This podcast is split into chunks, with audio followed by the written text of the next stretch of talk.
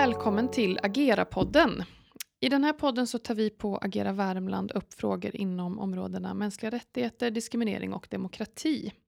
Och idag så ska vi fokusera på frågan om stöd till anhöriga som har närstående inom våldsbejakande extremistiska miljöer. Vi har under året drivit ett projekt som heter Det glömda stödet med anhöriga i fokus.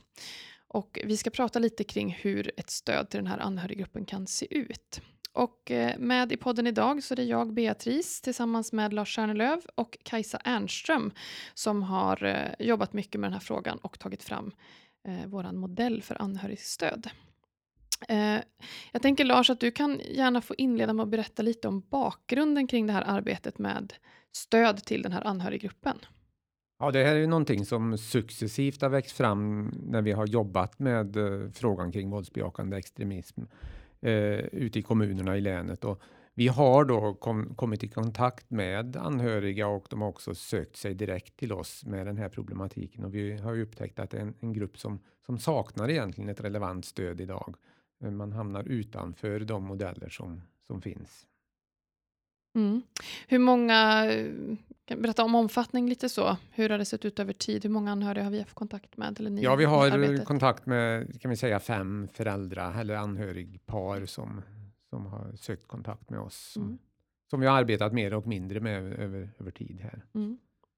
Och vi har ju också då sett behovet, man har ju själv eh, velat träffas, träffa andra i samma situation och, och utifrån det då så har vi vi jobbat lite ad hoc så inledningsvis med frågan då, och träffat de här i, både enskilt och i grupp och, och sett att eh, man har, har funnit en väldigt, väldigt trygghet i att träffa andra och att möta personer som, som bär på samma känslor. Och därifrån så startar ju idén om att vi kanske skulle göra någonting mer, lite mer formaliserat av det här som vi också kan sprida och dela med oss till andra. Mm. Eh, du Kajsa har jobbat ganska mycket kring eh, Eh, och efterforskat och tagit fram eh, material till den rapporten som vi nu har färdigställt. Eh, vad framkom, jag tänker, eller också generellt, varför är det viktigt att erbjuda stöd till den här målgruppen? Att vi ens har tagit fram den här modellen.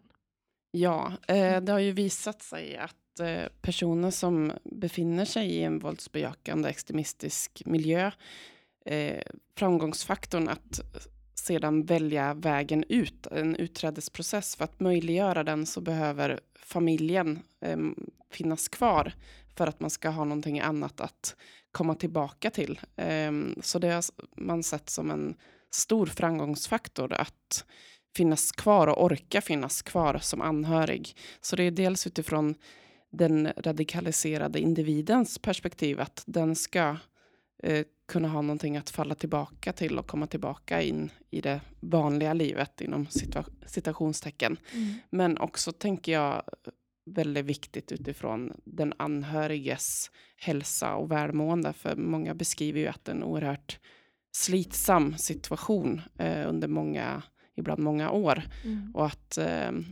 främja den anhöriges mående helt enkelt. Mm. Eh, I det här arbetet så har ju eh, vi också pratat med anhöriga som vi har varit i kontakt med under det här arbetet. Eh, så att de har fått vara med och, bidra till det här, vad som skulle kunna behövas för stöd och så. Vad, vad har framkommit när, när vi har intervjuat dem i det här arbetet? Jo, vi letade ju då i materialet utifrån intervjuerna efter olika teman och de teman som vi kunde se var ju dels hur den anhörige har mått, ville vi titta på. Eh, och, och eh, hur den upplevde situationen. Och också tittade vi på hur har relationen till den närstående påverkats. Men också behovet av stöd. Om man fick önska helt fritt, om vad hade man velat haft för stöd då? Och då pratar många om kunskap om miljöerna var det många, alla anhöriga tryckte på den punkten att man försökte själv hitta kunskap på nätet men det är svårt att hitta relevant och bra information om, om det här, den här problematiken. Eh, man ville också ha tips på att hur man kan bemöta den närstående så att man inte hamnar i...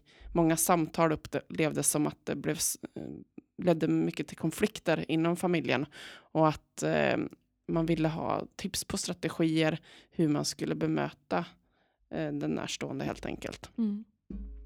Eh, och de här först, precis, behovet av stöd var en av tre sådana här teman. Och om vi också går tillbaka och tittar på det här med måendet och hur de anhöriga själva liksom mår. Vad, vad kom fram där så att säga? Var, var det någonting som, som du kan säga så som, som de anhöriga svarade på de här intervjuerna, hur de mådde i detta? Så att säga? Ja, eh, som sagt, många beskrev ju att eh, från allra första början att det var en... Eh, många gånger kom det som en chock att ens närstående var organiserad i den här rörelsen och eh, det upplevdes som eh, smärtsamt att eh, alla som vi intervjuade, där hade man själv inte de här åsikterna. Det kommer liksom inte de åsikterna hemifrån. Eller man ska säga att man har fört över sina egna ideologier på till exempel sitt barn, utan de anhöriga själva kände sig inte alls hemma med den här typen av åsikter. Och det kom ju som en sorg för dem, att eh, de kunde inte alls känna igen sig i att ens barn till exempel stod för sådana här hemska saker. Mm. Så mycket slitningar inom familjen, mm. både att uh, den uh, de anhöriga tog avstånd från individen i fråga. Att man inte ville känna sig vid eller ha kontakt med den närstående längre. Men också att den närstående ibland också kom längre och längre in i den här miljön och tog, kom längre och längre ifrån familjen. Att det blev ett avståndstagande som var valt utifrån den sidan. Mm. Så men mycket ensamhet beskriver de i sin situation. Man vet inte var man ska söka hjälp. Mm. Eh, det är inte, man kanske inte känner någon annan som har varit med om samma sak. Eh, så ensamhet och sorg. Mm. Mm. Eh, och du nämnde ju Lars att, det här, att det är svårt för den här målgruppen att hitta eh, stöd och det, att liksom man, man kanske blir hänvisad någon annanstans och det är inte riktigt eh, rätt stöd utifrån som du beskriver Kajsa, att de anhöriga ger uttryck för. Men det finns, finns, finns det några exempel på ändå organisationer som har mött den här målgruppen eh, så, och vad, på vilket sätt har de jobbat? Ja, det gör det. Det finns de? ju några då som också arbetar med avhoppsverksamhet, till exempel Exit på Fryshuset, mm. Fryshuset i Stockholm och en organisation som heter En annan sida av Sverige som har jobbat eh, just med den här målgruppen och eh, har ju, där fanns det ju viktiga, viktig information att få. Och det som, som ju, mycket av, av det vi har kommit fram till, det liknar ju traditionellt eh, anhörigstödsarbete i många bitar. Men, men det som skiljer sig, det är just eh, när det gäller ideologin eller, eller tros, eh, den trosövertygelse man har.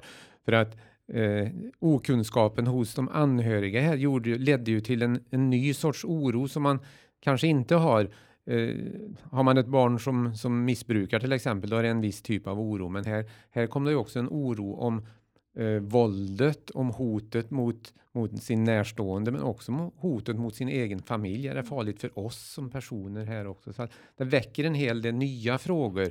Därför mm. såg vi det också som viktigt att kanske ha, försöka att ta fram en modell som riktar sig just till den här typen av, mm. av problematik för att kunna matcha det på ett bättre sätt. Mm. Och de organisationer som vi var i kontakt med under det här arbetet, var det någonting som, som de liksom hade som medskick eh, som ni tycker är värt att, att, att nämna? Där vill jag nämna något som eh, jag pratade med de som har bedrivit orostelefonen mot radikalisering hos Rädda Barnen i Rädda Barnens regi och eh, de nämnde bland annat det här med att ett eh, professionellt och lugnt bemötande i alla led från den som eh, svarar i telefon vid den första kontakten när den anhörige ringer. Mm. Att man lugnt och metodiskt hänvisar vidare vart man kan vända sig och inte liksom får total panik. Var, Oj, här är det någon anhörig med, som är inkopplad med våldsbejakande extremism och man blir rädd att ta i det. Utan att man i alla led verkligen har ett professionellt och bra bemötande också mm. i den första kontakten.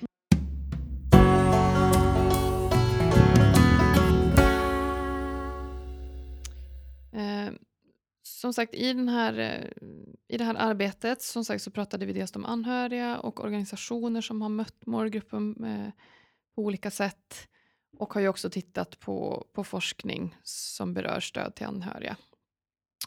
Och har ju då tagit fram någon, en form av modell för hur vi tänker att det här arbetet ska kunna se ut. Eh, om du berättar kort Kajsa, vad, vad är det för modell? Hur, hur tänker vi oss att ett arbete skulle kunna se ut när det gäller stöd till den här anhöriggruppen? Ja, då ville vi ju fokusera på en anhöriggrupp, för det har också framkommit i intervjuer med anhöriga att man vill träffa andra i samma liknande situation, vilket man möjliggör i en sån anhörigstödsgrupp som vi tänker oss. Så modellen är framtagen för att användas i grupp, men jag vill ändå lyfta fram att man kan absolut plocka ut vissa teman och guldkorn i om man träffar anhörig i individuella samtal också, att bygga eh, samtal utifrån modellen även individuellt. Mm.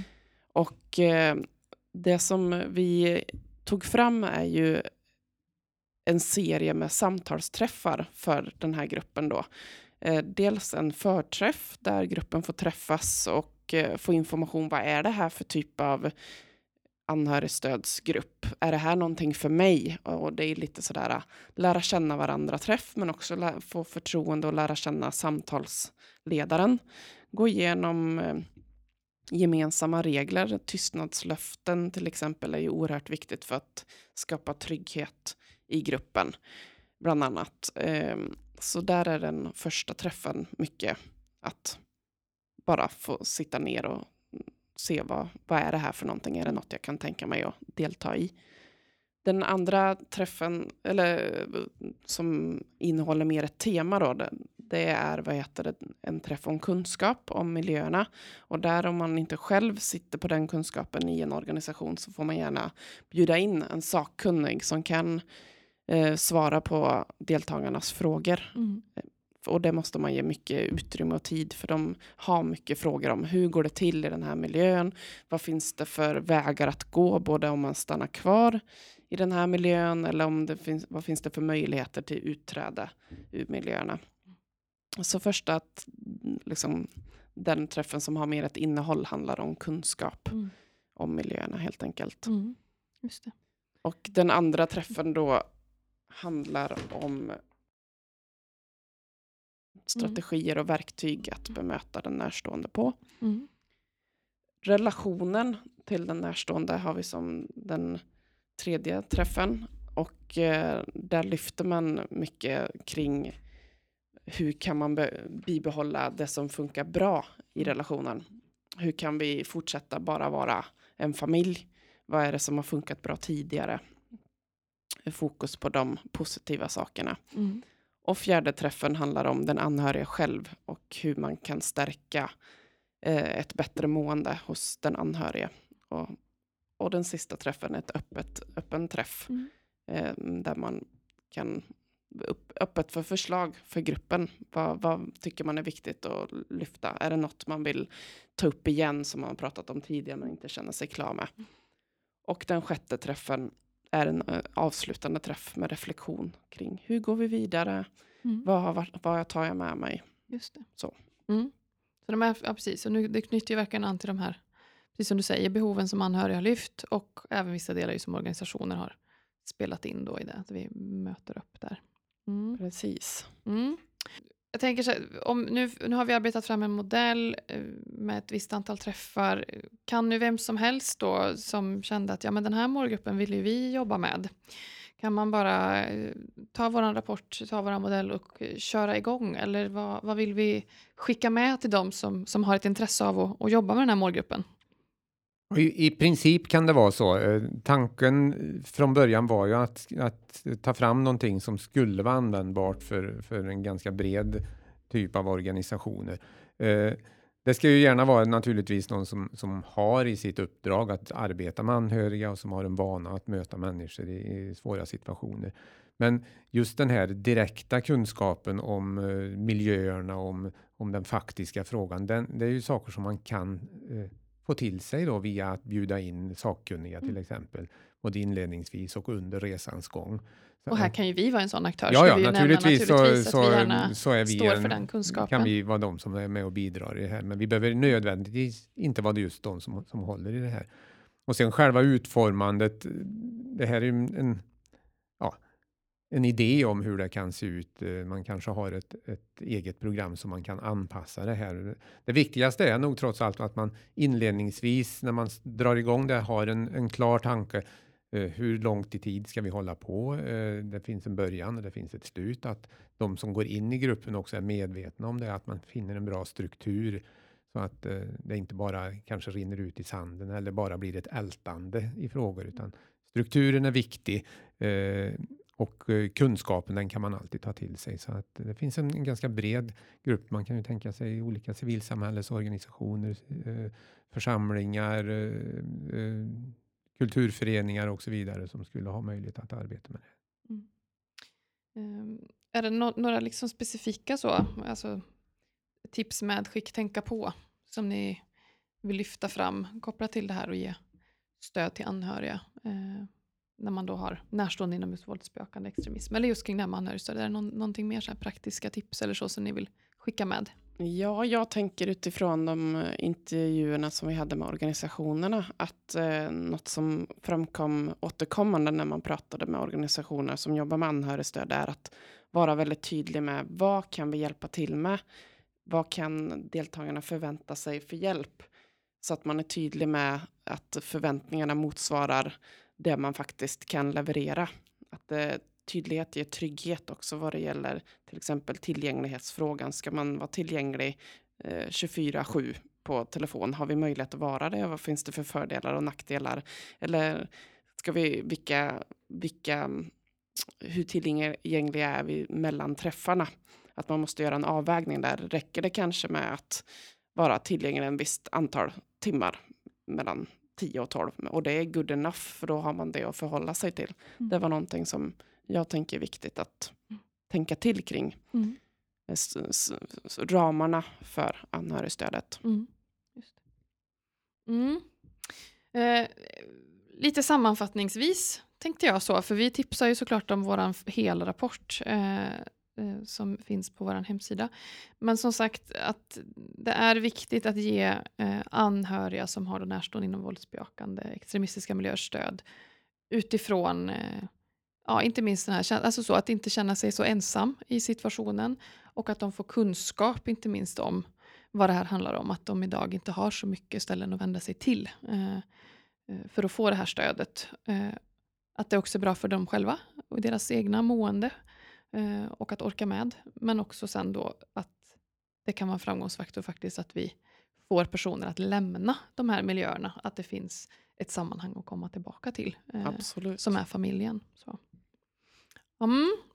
Eh, vi hänvisar som sagt jättegärna till vår rapport, eh, Det glömda stödet anhöriga i fokus, som ligger på vår hemsida ageravärmland.se.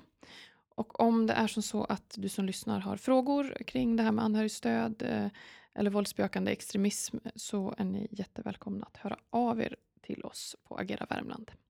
Så säger vi tack för att ni har lyssnat.